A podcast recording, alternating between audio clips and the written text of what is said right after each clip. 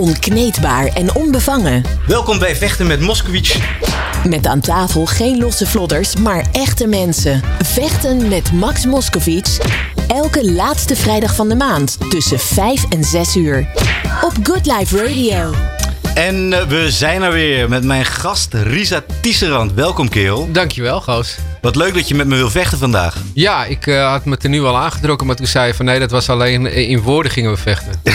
ja, nou, ik hoor net dat je op karate, een groene band karate bent. Dus, uh... Ja, ja ik, ik heb uh, in, in het verleden Kyokushinkai karate gedaan. En toen dacht ik in één keer van ja, jij bent altijd met die MMA-vechters aan het praten. En ook nog met een oude vriend van mij, Ernesto Host. Hey, Ernesto. Dus dat, ik denk, nou, dan heb ik misschien een soort van ingangetje waar we het over kunnen hebben. Nou, ik heb toevallig Ernesto laatst iets vreselijks aangedaan. Oh. Ja.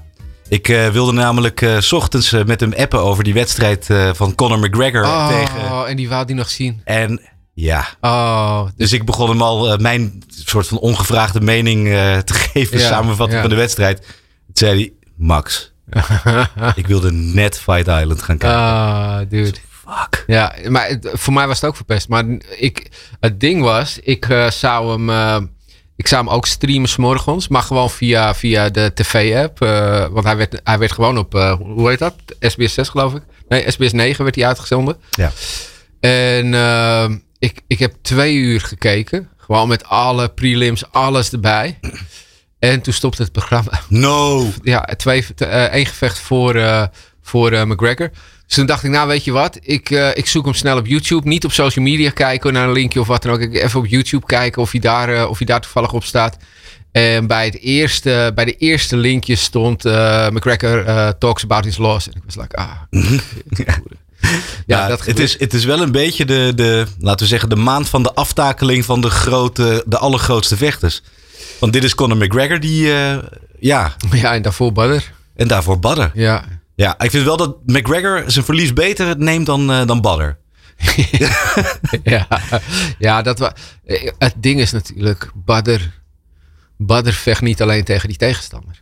Badder vecht tegen, tegen de mening van het publiek en tegen de mening van zijn eigen fans. Ja. Ik weet niet of je daarna zijn Instagram hebt gezien.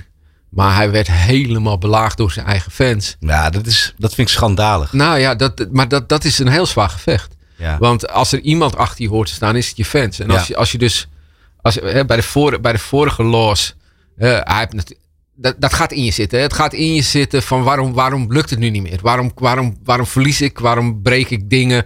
Uh, um, dan wordt hem ook nog verweten door, door mensen van ja, weet je, you're throwing the fight. Uh, je maakt het jezelf makkelijk. Misschien wel gefixt. Dat wordt er allemaal geroepen.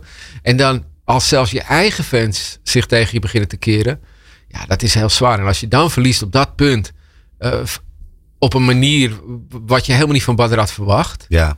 Ja, dan is het heel zwaar. En, en die, die walk of shame die hij daarna deed in zijn eentje op het moment dat hij nog naast die scheidsrechter had moeten staan. Ja. Dat maakte het alleen maar tien keer maar, erger. Maar die hij ging ook echt als een, als een kind een slow walk doen. Ja. Teleurgesteld, Ja. weet je wel. Van, ja. Je, je, je kan alleen maar na... Kijk, het, het ding is natuurlijk, wat gaat er in het hoofd om van zo'n grote vechter? Uh, eventjes afgezien van wat de privé allemaal met als ik, als ik denk, eh, de- ik denk dat wat jij zegt, dat dat spijker op de kop is. Ik denk dat die jongen onder veel te veel druk staat vanuit zijn eigen achterban. Ja, Want hij moet de eer van eh, Marokkaanse Nederlanders hoog houden. Ja. Maar ook van heel Marokko. ja. ja en, en dan moet hij nog vechten tegen het stigma wat hij al heeft. Dus Ja. hij, moet, hij, hij heeft altijd, hij staat altijd al 3-0 achter voordat hij in die ring stapt. Ja. Media-wise en ja, en als je dan ook nog eens een keer in een fase van je leven zit waarin, waarin, ja, waar, waarin je lichamelijk blijkbaar niet voor elkaar krijgt wat je ooit zo makkelijk deed, Ja. dat is een hel hoor. ja. En, en laten we er ook eerlijk over zijn. Dat is iets wat ieder privépersoon ook meemaakt. Alleen doe je dat niet zo publiekelijk voor de camera. Maar iedereen die ouder wordt, komt in één keer dingen tegen die hij niet meer kan. Waarvan hij helemaal nooit had gedacht dat hij dat niet meer zou kunnen. Ja. Hè? en, en, en ja, dat, maar dan heb je die, niet dat, dat, dat er een miljoen mensen meekijken en je uitlachen omdat je niet meer kan. Nee, nee. Nou ja, ik vond het voor de eerste keer zag ik ook dat, dat Badr in, vanuit onverwachte hoek heel veel sympathie kreeg na die wedstrijd. Juist van Nederlanders. Ja, ook van Rico. Ook van Rico, ja. Ja, ja. en terecht ook. Ik bedoel, het is geen pannenkoek. Hè? Het, is, eh, het is een van de grootste eh, vechters die we ooit gehad hebben in Nederland. En voor mij, voor mij is hij, ik ik denk, als ik, als ik heel eerlijk ben, de meest talentvolle. Nou ja, kijk, dat, dat is. Ja, ik denk, ik, er zullen ongetwijfeld mensen. Hè, ik, ik, ik heb natuurlijk heel erg veel met host. Uh, op, waar, waar, waar, waarvan ik geloof dat, uh, nou ja, misschien omdat hij de grondlegger is van, van, van, van het naar. Nee, maar host is, host is gewoon de goat. Ja, ja, voor mij is hij gewoon. Maar, ja. met, met Peter vind ik wel ook. Ja, tuurlijk. Nou ja, ja. maar ja, ik bedoel, dat, dat was natuurlijk gewoon al helemaal een soort van. Dat was een magische tijd. Ja. Uh, dat was, was een tijd. We hebben het nu natuurlijk over de tijd dat, dat net het K1 en, en, en het kickboksen groot werd en alles. Ja, tussen 93 en 2010. Ja, en ik groeide toen op met Ernesto Host uh, in, de, in mijn buurt. We waren geen vrienden uh, in het begin. Nou, daar heb ik nog wel een verhaal over. Maar ik neem aan dat je ook weer zo naar de muziek moet, of niet? Um, nog niet. Nee? Oh, nou, dat is, dat is wel een dingetje geweest. Kijk, ik ben, ik ben met Ernesto uh, opgegroeid in een wijk. Waarin, um, waarin heel veel gebeurde. Heel veel ellende en alles. In Horen? In Horen was ja. het. Horen Kersenbogert. Dat is heel erg fout gegaan in die tijd in die wijk. Um, maar Ernesto was onze held. Iedereen wist van, oh die gozer, die, die, die, die kickboxkampioen uh, gaat naar het buitenland. Allemaal, je moet je voorstellen, we waren allemaal arme gastjes die nergens, nergens buiten horen kwamen. Misschien als we geluk hadden een feestje in Amsterdam. En dan hoor je iemand die de wereld over reist met kickboksen. We deden allemaal deden we aan vechtsport. Ik deed dat destijds Kyokushinkai karate. En toen uh, ging mijn, uh, mijn leraar, die ging ineens over op straatvechten, noemde hij dat toen. Ik weet niet of dat ooit een officiële term is geweest, maar straatvechten. En daarna uh, ging hij kickboksen lesgeven. Hij gaf straatvechten les? Ja, ja letterlijk straatvechten les. ja, dat was, was, de term die hij gebruikte. Met deze vingers prik je hem in zijn ogen? Nou ja, het was, het, was, het was voor ons, het is wat nu MMA is. Ja. Maar, maar voor ons was het totaal onbekend. Vroeger noemden ze het toch free fighting? Ja, ja maar dat, dit is nog daarvoor. dus zo, zo, zo lang geleden is dit al. En, en uh, ja, ik, ik, ik deed Kyokushinkai karate. Ik was, was, was ook niet geweldig hoor. Ik was geen wedstrijdvechter. Um, maar toen ging het van straatvechten. Toen ben ik een beetje afgehaakt. En toen ging ik kickboksen. En toen dacht ik, dat ga ik niet doen. Want zulke sterke schenen heb ik niet. Uh, maar, maar in onze buurt waren er veel jongens die kickbox uh, gingen. En voor ons allemaal was Ernesto een held. En op een gegeven moment zit ik met Ernesto in de trein naar Amsterdam. Zal ik nooit vergeten. En we waren gewoon rustig aan het praten, zoals we wel meer praten. En toen zei hij, ga je nog kijken naar mijn wedstrijd? En toen zei ik, zei ik van, ja, weet je, ik, ik vind het niet zo'n fijn gezicht als, als, als ik zie hoe iemand die ik graag mag, hoe, hoe die zo toegetakeld wordt. Dat zal ik nooit vergeten, want toen zei hij tegen mij, nou, als, als een vriend van mij uh, uh, de, een belangrijke wedstrijd zou hebben, dan zou ik wel kijken. En toen voelde ik me zo schuldig. Hij, ja, maar Ernesto is ook bruut eerlijk. Ja, ja en, en sindsdien heb ik ook altijd hem overal in gevolgd gekeken. Omdat ja, ik voelde me vanaf dat moment. Weet je, ik wist helemaal niet dat hij me als een vriend beschouwde. Weet je, we waren gewoon mensen die elkaar vaak tegenkwamen in mijn optiek. En dan praten we gewoon gezellig. Maar als iemand tegen je zegt, ja, als mijn vriend belangrijke wedstrijden zou vechten, zou ik wel kijken. Nou, echt, echt ik kon wel door de grond zakken natuurlijk. Ja, dit was natuurlijk eh, super tweeledig voor jou, want enerzijds dacht je, Ernesto is mijn vriend. Ja, dus die zeg ik het ook altijd, als een vriend van me. en anderzijds denk je, ik heb mijn vriend teleurgesteld. Ja, zo voelde het ook echt. Het voelde echt als een afstraffing. En ja, weet je, daarna, daarna zijn we ook uit elkaar gegroeid. Het zou mij verbazen als hij nu nog zou weten wie ik was. Maar ja, dat was een hele belangrijke periode voor mij. En voor het vechtsportgenre. En Badr Hari, die kwam daarna. Hè, die, heeft, die heeft zijn eigen legacy. Maar die heeft het vooral gedaan, voor mijn gevoel, ook in Nederland. Hè. Veel met, met, uh, met, met, met, met Nederlandse vechters uh, gedaan. Ja, er zijn een paar wedstrijden van Badden, die zijn voor mij gewoon, die zal ik nooit vergeten. Eén was ik bij. Ja. Dat was toen die Sam Schild versloeg in de arena. Ik was daar. Ja, maar ik bedoel, dan dat, heb je, dan, dat is toch, dat is bijna David against Goliath. Zo, zo, zo Schild was op dat moment onverslaanbaar. Ja. Niemand kon die dude aan. Beest. Ja, alleen Peter Aarts had geloof ik een keertje een, gat in zijn dekking uh, geprikt, want die bleef gewoon hey, komen. Ik zeg je eerlijk, Peter Aarts vind ik nog steeds de meest scary uh, uh, vechter die ik ooit gezien heb. Ja. Die man. Ride or die. Dat was zo'n verschrikkelijk beest. Echt een beest, beest. En, en ja, weet je, kijk, uh, uh, Sam was natuurlijk, uh, die had, had, had groot, die was enorm. Ja. Ehm, Twee meter negen of zo. Ja, tien, zo, zo in die richting. En, en kijk, het zijn meestal al geen kleine chappies. Ik bedoel, het is ook niet zo of, of, of Badr 1,60 meter is, maar... Die is twee meter ongeveer. Kijk, Badr, Badr had heel veel rauwe energie. Badr stond er ook onbekend dat hij eigenlijk niet zoveel veel hoefde te trainen. Ja, hoefde zich niet zoveel te voor te bereiden. de laatste weken ging hij er vol in. En dan had hij hem toch wel. Ja, uh, en dan niet, puur op talent. Ja, en, en dan niet, niet, niet, eens op, op, uh, niet eens op zijn laatste adem. Maar gewoon echt prachtig uh, in een eerste ronde iemand knock-out maken. En, ja. kijk, en als zo'n held. Eventjes afgezien van wat je persoonlijk van hem vindt. Ik bedoel, we hebben daar allemaal een mening over hoe zijn leven is gelopen. Maar als zo'n held in de ring. Als die op die manier tegen iemand waarvan iedereen dacht dat hij hem toch wel makkelijk kon hebben zo verschrikkelijk, uh, nou ja, te pakken wordt genomen. En dan op die manier de ring verlaat. Ja, dat is een heel treurig ding. Ja, maar ik, ik denk dat hij, um, wat dat betreft ook.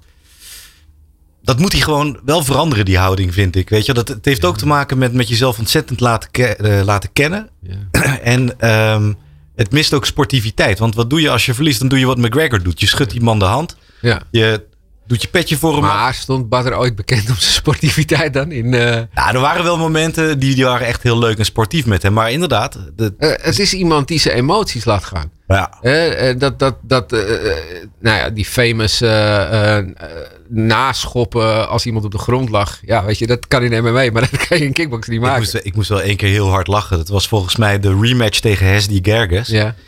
En hij had natuurlijk die, die eerste keer had hij hem gewoon gevoetbald trapt. Dat, dat, was, dat, was, dat was echt het moment in, in, in history van Badr.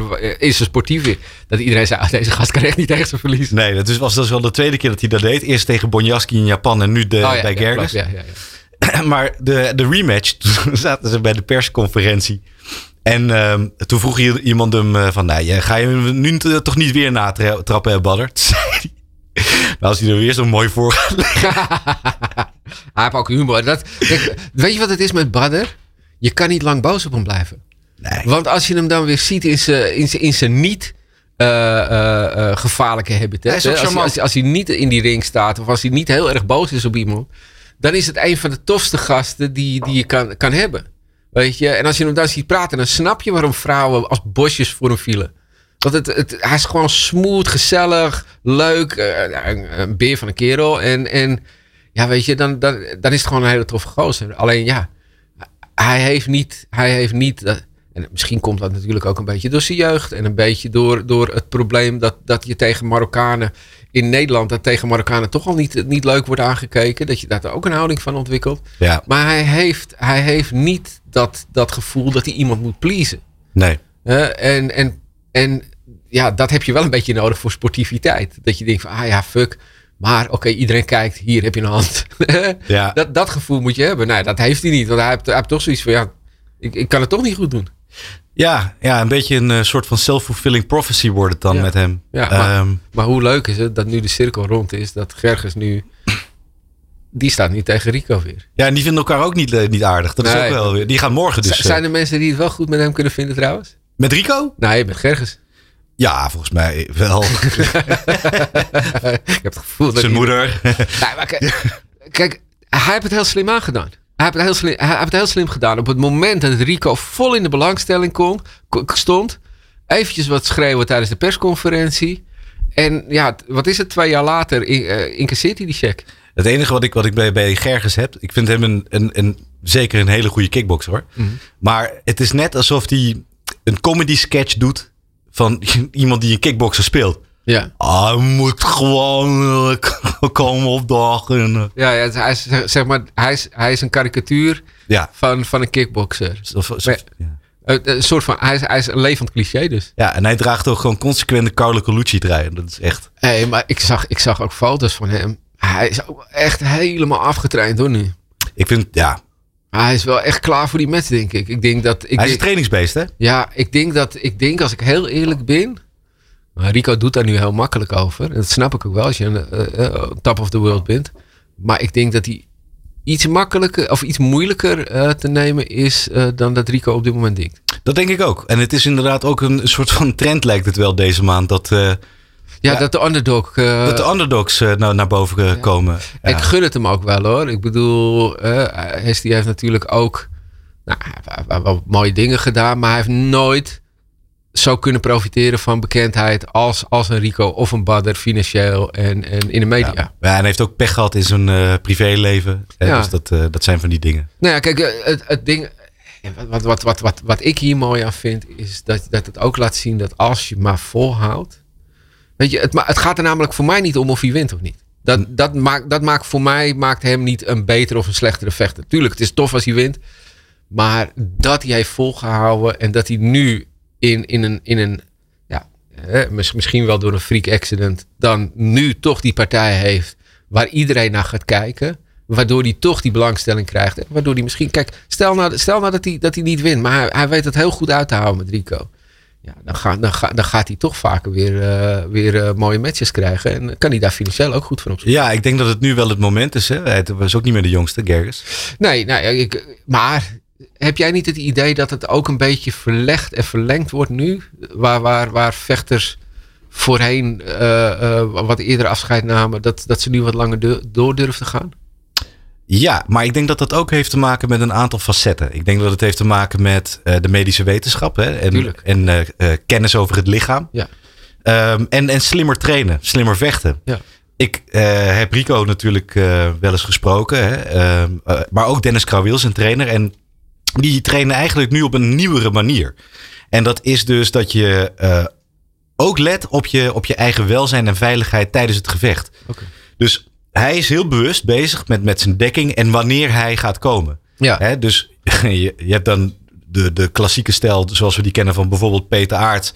En het is gewoon. We kijken wel waar we eindigen. Je hoort ding en de, het is gaan. Ja. En uh, het een van ons gaat liggen. Ja. Dat doet Rico niet. Nou, dat vond ik ook wel mooi bij Rico. Uh, dat, ik, ik weet niet of je dat kan herinneren. Nadat, uh, nadat hij tegen Badr had ge, gevochten dat hij, dat hij het echt gewoon had van ja, we, we waren aan het demonteren en dat soort dingen.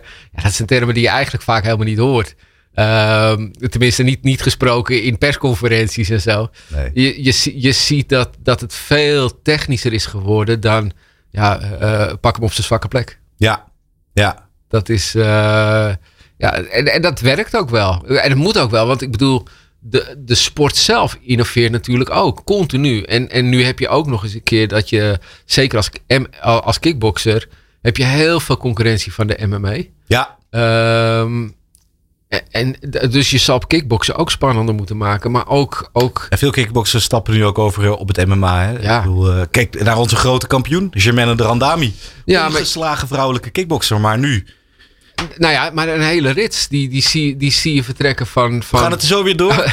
We gaan nu naar een uh, liedje. Risa, kom nog aan. Oh, uh, oh, dat is uh, Als Jou Zijn. Heel mooi nummer van mezelf.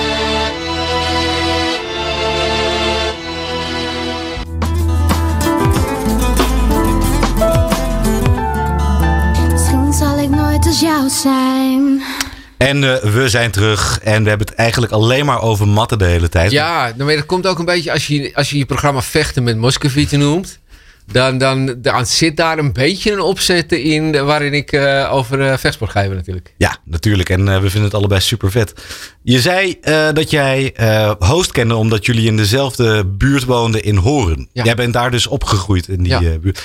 Maar kun je, hoe, was dat dan voor jou toen je jong okay, was? Wat je moet voorstellen, we, we kwamen uit, uit Amsterdam. Bijna iedereen uit Horen Kersenboog kwam uit Amsterdam. In mijn cabaretvoorstelling maak ik daar ook een grap over. Um, wat niet eens zo ver naast de waarheid ligt. Want in principe probeer ik altijd datgene wat ik heb meegemaakt in mijn cabaretshow te vertellen. Um, je moet je voorstellen, er was een tijd dat gemeentes geld kregen. Um, nee, laat ik het anders zeggen. Als een gemeente, uh, gemeente krijgt geld van het Rijk naar, naar, hoeveel, naar de ratio van inwoners. En er waren toen een aantal kleine gemeentes die wilden dat geld oppompen door nieuwe inwoners te lokken.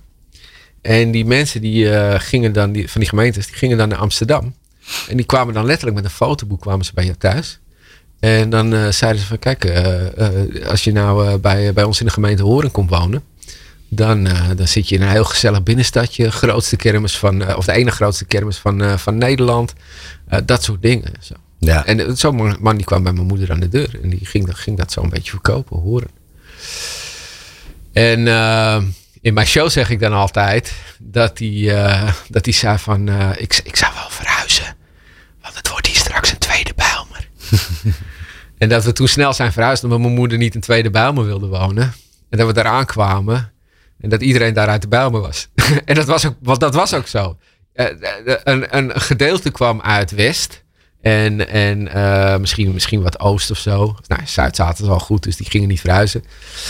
Um, maar het grootste gedeelte kwam uit de Bijlmer. Ja. En dat waren allemaal jongeren die, die ja, die, dat, dat waren tweede generatie uh, Surinamers. Um, ja, die kwamen in een voormalig dorp, zeg, klein stadje terecht. Horen is een heel klein stadje. Ja. Dat ging helemaal mis. Maar echt helemaal mis. Maar hoe was dat voor jou om daar tussenop te groeien? Want je bent natuurlijk niet van Surinaamse afkomst. Nee, maar um, dat, waren, dat waren mijn. Het, het, het, het, ding was dat ik zelf heel erg van de hip-hop cultuur hield.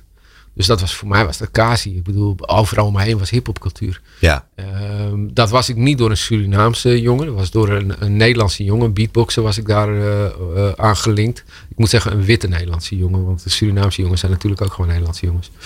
Um, was ik aan, aan hip-hop gelinkt. En, en um, ja, allemaal om me heen, al die Surinaamse jongens, die draaiden alleen maar hip-hop dat was op dat moment was dat het belangrijkste van de wereld. En, en dat, toen werd ik DJ in een buurthuis daar. Nou, toen was ik helemaal natuurlijk. Was ik, uh, was, de man? Was ik de man, ja. En ik had dan altijd precies. Ik, ik, ik zat blijkbaar. Zat ik op een goudmijntje, want ik had echt altijd precies de platen die nog niemand had. Hm. En dan was ik de eerste die ze draaide. Nou, dan moest ik hem zes, zeven keer achter elkaar draaien. Want toen was dansen was nog een heel belangrijk ding van hiphop. Ja, de Running Man. En, ja, maar dat is later allemaal een beetje verdwenen. Uh, maar in mijn tijd was dansen uh, en, en natuurlijk sowieso b-boying, het, het, het, het, breakdancing. Maar, maar ook wat jij zegt, Running Man en, en uh, met groepen dansen. Het was nog in de tijd dat MC Hammer nog niet gezien werd als een commerciële rapper. ja. die, die, had toen, die had toen echt underground hits. Maar goed, dus daar groeide ik in op. En, en, en, en Esther Host en, en zijn helaas overleden broer ook. En uh, ik weet niet of hij toen in, al in Kersenbogert zat, hoor, moet ik eerlijk zeggen. Volgens mij zat hij toen in Risdam. Maar even, even over jou, hè. Dus, ja. maar, maar kun je, zou je kunnen zeggen dat je een... Nou ja, je zegt dat je eigenlijk wel goed past in de urban culture daar. Hè? Ja. Dus uh, dat idee. Maar heb, je hebt ook wel eens verteld, volgens mij, dat je hebt het niet altijd makkelijk gehad toen je jonger was. Nee, heb verschrikkelijk gehad. Ja. Ik bedoel, ik heb, ik heb ongekende armoede gehad voor Nederlandse begrippen. En enorm veel geweld gezien en meegemaakt. Ja. In je directe omgeving ook? Of? Ja, mijn, mijn stiefvader die probeerde mijn moeder te vermoorden waar ik bij was. Wauw. Regelmatig. Um, dus ja, het was, was een, he hele zware. Maar dat moet ik eerlijk zeggen, dat met mijn stiefvader gebeurde in Amsterdam nog voordat ik in, in Horen terecht kwam. Maar in Horen, ja, weet je, in je omgeving zie je, zie je iedereen veranderen in overvallers, pooiers, hoeren. Het, het werd, werd één grote pijnlijke gebeurtenis. Voor heel veel mensen daar ook. Hè? Want dat is. Ik, ik, ik, ik had ooit een gesprek met een rechter die ik heel graag mag. Ik ga haar naam niet noemen, want dat maakt ook niet uit. Maar probeer, toen probeerde ik uit te leggen uh, wat daar gebeurd was. En, en toen vertelde ik over een jongen die, die drie Turkse jongens had neergeschoten. Zo. En op het moment dat ik dat vertelde, reageerde ze in afschuw. Terecht, hè? Ik bedoel, dat. Uh, maar, maar haar eerste gedachte was: wat een verschrikkelijk mens. Ja. Maar ik kende die jongen. En ik wist dat het geen verschrikkelijke gast was. Dat was, was een van de aardigste jongens uit mijn buurt. Alleen, ja, als jij in een bepaalde buurt opgroeit. met de verkeerde mensen om je heen. en op de verkeerde manier getriggerd wordt. en, en bedreigd wordt. Ja. dan kan je verkeerde keuzes maken. Het is heel makkelijk om de verkeerde afslag te nemen. en dan voor de rest van je leven. Een... Daar, daarin opgehangen te worden. Ja. En dat, was, dat vond, ik, vond ik een heel kenmerkend moment. Omdat toen ik dat uitlegde. toen, toen schrok ze zelf van haar vooroordeel daarin. Ja. Maar dat is, het is ook niet zo raar, weet je. Want je hoort alleen het, het, het moment dat, dat het fout gaat. Maar als, als je dan beseft dat het eigenlijk ook maar gewoon een mens is. wat gewoon een hele, hele lieve gozer was. Echt een lieve gozer. Hè? Gewoon, gewoon een hele go goed zak. Ja. Weet je, maar ja, weet je, op het moment dat je in de verkeerde situaties terechtkomt. in een wijk zoals waarin ik opgroeide. kan het zomaar helemaal fout aflopen. Ja, het is bizar. Ik, ik heb het ook meegemaakt hoor. Ik uh, heb sowieso drie jongens in mijn jeugd gekend die uh, uiteindelijk uh, hebben gemoord. Ja.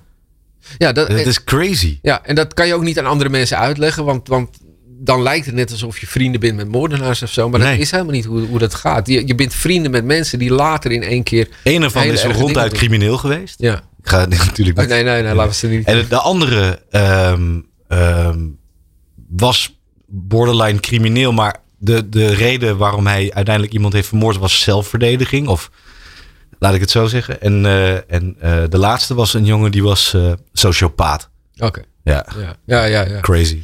Ja, maar dat is het. het, het, het en, en, en heel veel gebeurt vanuit achtergrond. Weet je, het is, het is nooit. Niemand, niemand wordt als crimineel geboren. Weet je, dat, is, dat heeft heel veel met, met achtergrondsituaties te maken. Meestal, maar je hebt ook alle knoppen open psychopaten zoals Joran van der Sloot. Nee, natuurlijk. Maar dat is ook, dat is ook zo. Nee, maar ik heb het dan over die jongens die, die, die in de drugs gaan en uh, in de prostitutie, uh, uh, meisjes rondelen en zo. En dat zegt dus niet dat ze geen slechte dingen doen. Ze doen verschrikkelijke dingen. Het probleem is alleen van achter die verschrikkelijke dingen zit, zitten jongens die heel erg beschadigd zijn geraakt door het leven. Ja. En Nou ja. die, die dan op een gegeven moment geen keuzes meer zien. En, en die dan zoiets hebben van ja, het is of jij of ik. En dat is heel vreselijk. Maar als we dat echt veroordelen als maatschappij, dan moeten we daar wat aan doen. Absoluut, absoluut. En ik denk dat, uh, ja, je, er zit iets in dat gevangenisstraf niet, niet helpt. Hè? Nou, dat weten we wel met z'n allen. Dat Wat- wat uit wel- elk onderzoek is gebleken dat dat niet werkt. Precies, dus wat, wat wel helpt is eh, een behandeling en een, een, een, een ja, Perspectief. perspectieven bieden, Ja. een, eh, eh, leren, Ja. studeren. En wat krijg je dan? Dan krijg je dat, dat Henk en Gerda, die zijn woest. Want die crimineel die krijgt in één keer een opleiding en een baangarantie. Ja, maar straf moet iemand wel krijgen voor eh, echt iets vreselijks. Natuurlijk, Ja, maar het, het, het ding is natuurlijk, wat doe je daarna? precies. Dat Weet is je het. als, je, als je, als je criminelen alleen straft en daarna hun hele toekomstperspectief wegneemt, wat heeft, wat heeft die crimineel daarna nog voor keus dan? in. Ne- in Nederland, eh, ja, echt levenslang hebben we hier wel, maar het gebeurt niet veel. Dus meestal gaat iemand op een gegeven moment weer de samenleving in. Ja, ja of, of ze krijgen dus een TSB hè, die gewoon voor altijd verlengd wordt. TBS. Ah, TBS, ja. TSB is weer wat anders. Hè? Te- eh, ja. Maar een TBS die, die dan voor altijd verlengd wordt. Ja. Eh, dat, is, dat is een truc om iemand buiten de maatschappij te houden, ja. ja, soms terecht.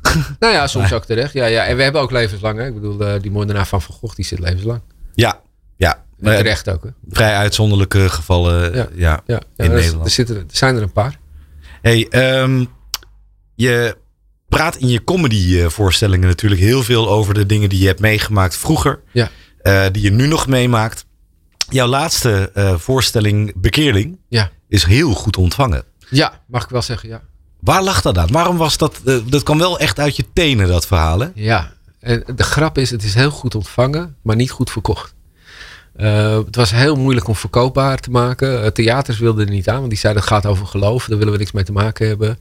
Eh, je mag namelijk als comedian wel over geloof hebben, maar dan moet je het afkraken.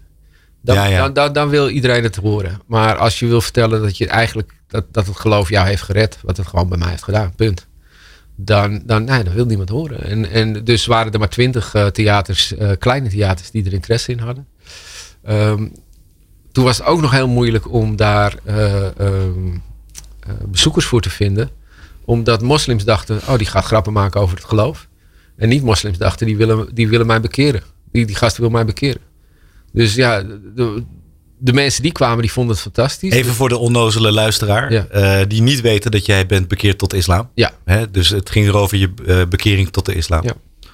Ja. Ja, en, en, en eh, de mensen die kwamen, die vonden het fantastisch. De recensenten waren er laaiend over. Alleen ja, weet je, als je, als je dus die, die, die, die commerciële eh, klik daar niet van kan maken, ja, dan, dan verdwijnt zo'n project helaas in de duisternis. ja.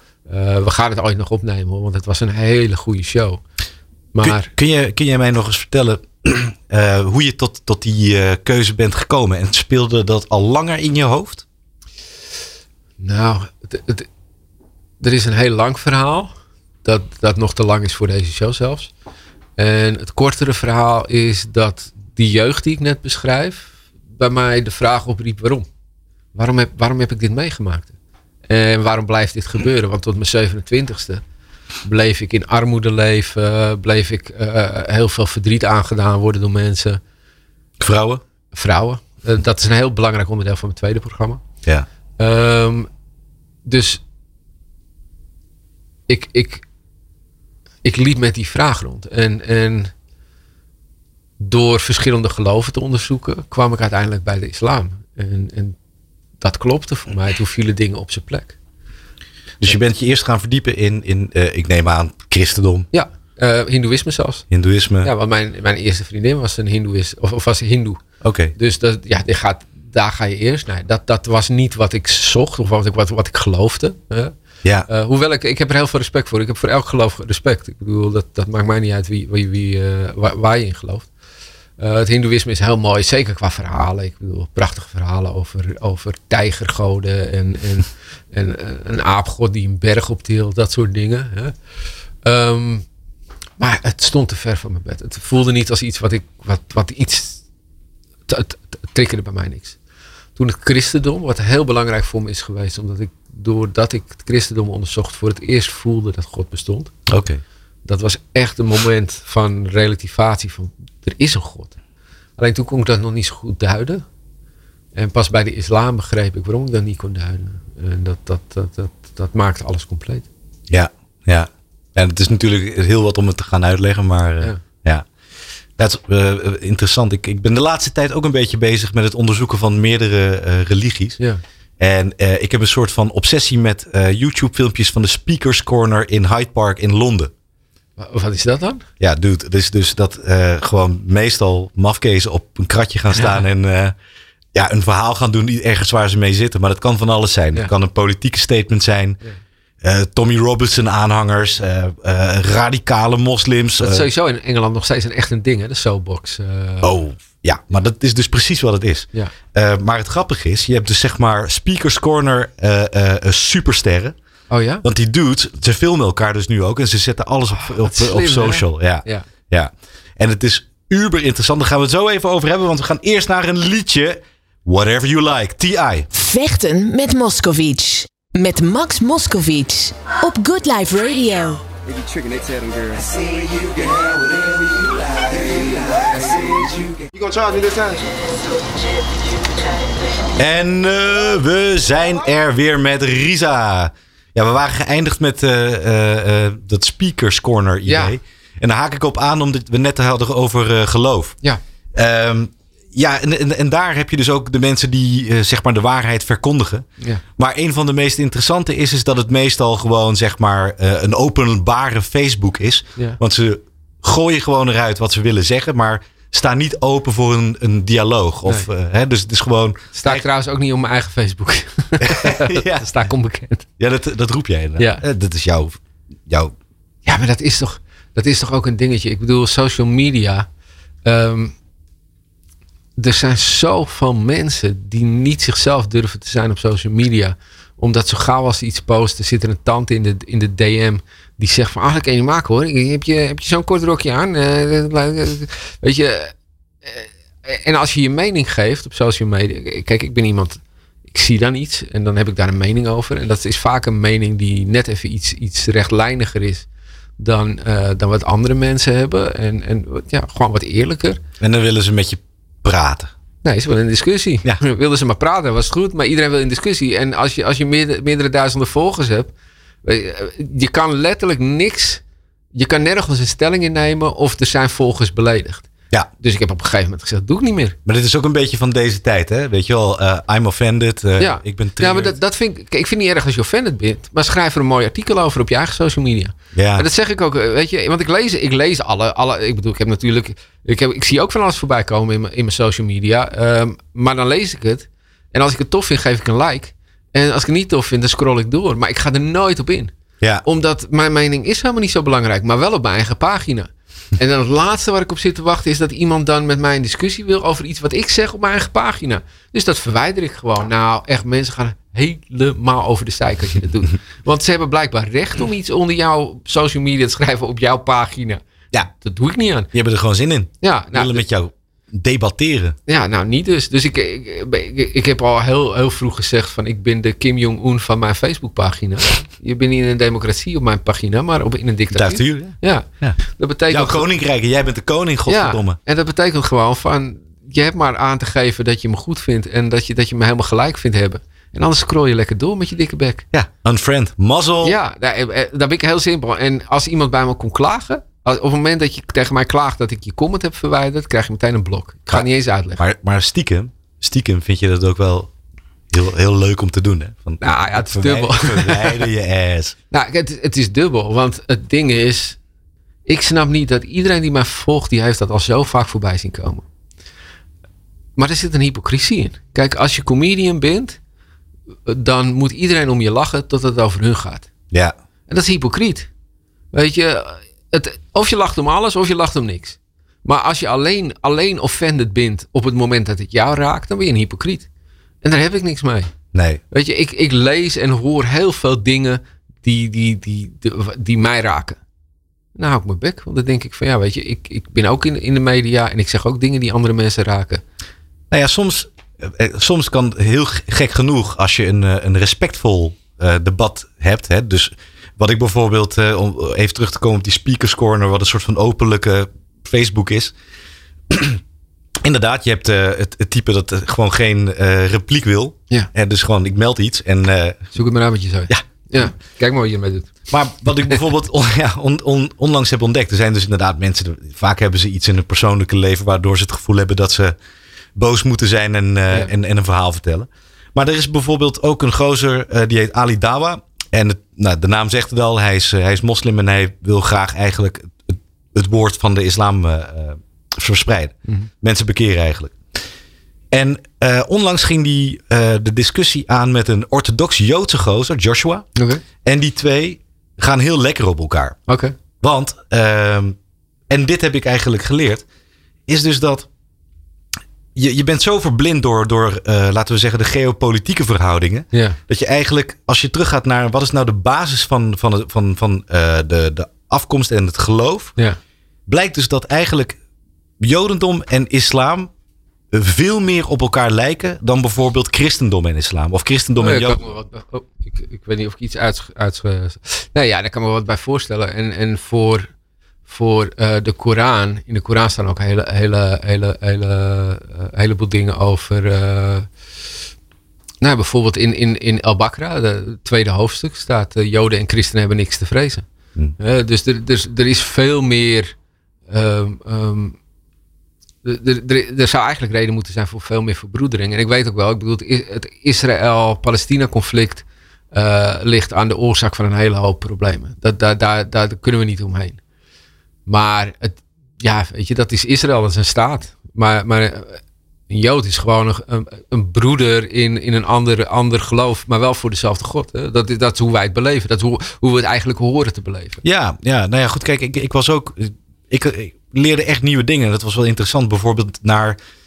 Uh, hoe zien moslims uh, God en hoe zien Joden God? Ja. En, en kan, hoe communiceert God? Ja. Dus uh, bijvoorbeeld christenen denken dat God is geschapen naar. Uh, dat, dat hij eruit ziet als een mens. De ja, mens is de geschapen, geschapen naar zijn evenbeeld. Naar, naar ja. zijn evenbeeld. Ja. En God praat met jou zoals wij met, zoals mensen met elkaar ja, praten. Dat ja, denk dat ik. is het christelijke. Ja. Uh, ja. Maar Joden en moslims uh, zeggen dat God wel communiceert, maar in zijn eigen goddelijkheid. En het is geen taal, geen mensentaal. Uh, je, je, het, wij proberen hem juist geen menselijke eigenschappen te geven. Exact, ja. exact. En, en hij, ziet, hij, hij is niet als een mens en hij is omnipotent. Ja. He, dus dat, dat, ja. dat is allemaal één op één. Dus en ik ben een beetje gaan luisteren naar die twee. En het Jodendom en de islam verschillen eigenlijk maar volgens mij op twee facetten. Ja. En dat is dus dat Joden denken dat er na Malachi geen profeten meer zijn geweest. Ja. En na Ba Bolim. Nou, anyways, er is ook nog één niet-Joodse profeet die we hebben erkend. Nou, ja. Maar bijvoorbeeld Jezus, die wel in, in de islam een, een ja, ja, profeet is. Isa, uh, Mohammed natuurlijk. Ja. Uh, worden niet gezien als profeten. Nee. En, en Jezus heb, hebben Joden een beetje een probleem mee. Omdat hij namelijk claimde de, de Messias te zijn. Dat is een gevoelig ding in het Jodendom. Want die moet nog komen. Oké, okay, ja. En uh, jezelf de zoon van God noemen, dat mag ook helemaal niet. Um, en die wordt nog steeds in het Jodendom een beetje als een Ja, dat vind, vinden ze heel moeilijk. Hè? Ja. Dat, dat, ja. ja. Terwijl bij ons is het juist weer een heel belangrijk uh, uh, pijler voor de islam. Ja. Isa. En, en bijvoorbeeld uh, over Mohammed. Hij, ze hadden het erover dat van... Uh, kijk, natuurlijk wordt Mohammed niet erkend als een profeet... omdat wij gewoon geloven dat het na Malachi geen profeten meer zijn Ja. geweest. Maar de boodschap van Mohammed accepteren we wel in het Jodendom. Dat is mooi. Net als die van Jezus Ja. overigens. Maar, Ja. ehm, dus dat, dat, dat zijn van die gekke dingen die ik dan weer leer over het Jodendom. Ja, mooi. Die niet eens wist. Ja, nee. Dus, er, is, er is een hele, hele toffe gast. Uh, hij heet Jihad Jew. wat hem niet altijd in dank wordt, wordt afgenomen. Nou ja, kijk, jihad staat natuurlijk voor, voor zelfverbetering. Dat heb ik het ook over, over in mijn show. Ja, heilige oorlog, maar dat kan op allerlei nou, facetten zijn. Hè? Je, jihad, je hebt de grote en de kleine jihad. Ja. En de grote jihad is werk aan jezelf. Ja. De kleine jihad is oorlog voeren. Um, en dus hij heet Jihad Ju, vind ik altijd, altijd mooi. Het is een Joodse, Joodse meneer uit Amerika. Hij is een keer in Nederland geweest. Toen ik, uh, heb ik hem een dag heb ik hem, uh, Amsterdam laten zien. Zijn we naar uh, de moskee in de kerk in de Rozengracht gedaan. Want dat vind ik een mooi symbool. zit gewoon een moskee in een kerk. Hm. Of een voormalige kerk. En, um, en hij, hij spendeert eigenlijk zijn, zijn leven door onze overeenkomsten te zoeken. Dus niet langer te zoeken naar verschillen, maar wat hebben wij, wat hebben onze geloven nou met elkaar gemeen? Ja. En dat is gewoon heel mooi, want dat is eigenlijk hoe je hoort te zijn als gelovige. Je hoort elkaar niet lastig te vallen. Je moet, moet, moet elkaar in de armen vallen. Je moet zorgen dat er verbroedering ontstaat. Dat vond ik wel mooi, want toen heb ik hem meegenomen naar de moskee. En toen zei hij, uh, zei hij ineens tegen die imam die, die hem rondleidde. Dat was een kennis van mij. Zei hij, ja, ik, uh, ik, ik was nog vergeten te bidden. Kan ik dat hier eventjes doen? Dat was helemaal niet zo volgens mij. Ik weet, weet ook helemaal niet hoe dat gaat. Maar hij wilde gewoon testen of dat zou mogen. Maar wij als, als, als moslims moeten dat gewoon toelaten. dus, dus als een Joods iemand moet bidden, dan moeten wij dat gewoon toelaten. En, en dat wist die imam ook. Dus die zei, ja, geen probleem. Mooi, en, toen stond er een Joodse man, die stond in een moskee in een kerk te bidden. Nou, dat was echt voor mij een geluksmomentje. Leuk, ja, Heel, heel cool. Ja. Nou ja, zo moet het zijn. Ja, ja dat, dat is, er is... Er is een heel bekende uh, meme. En die zegt van een, uh, een Jood, een christen en een moslim uh, lopen een koffiebar binnen.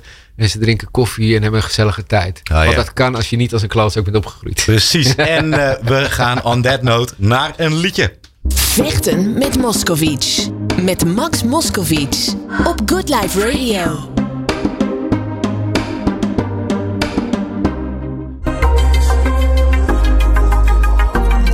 En we zijn weer terug.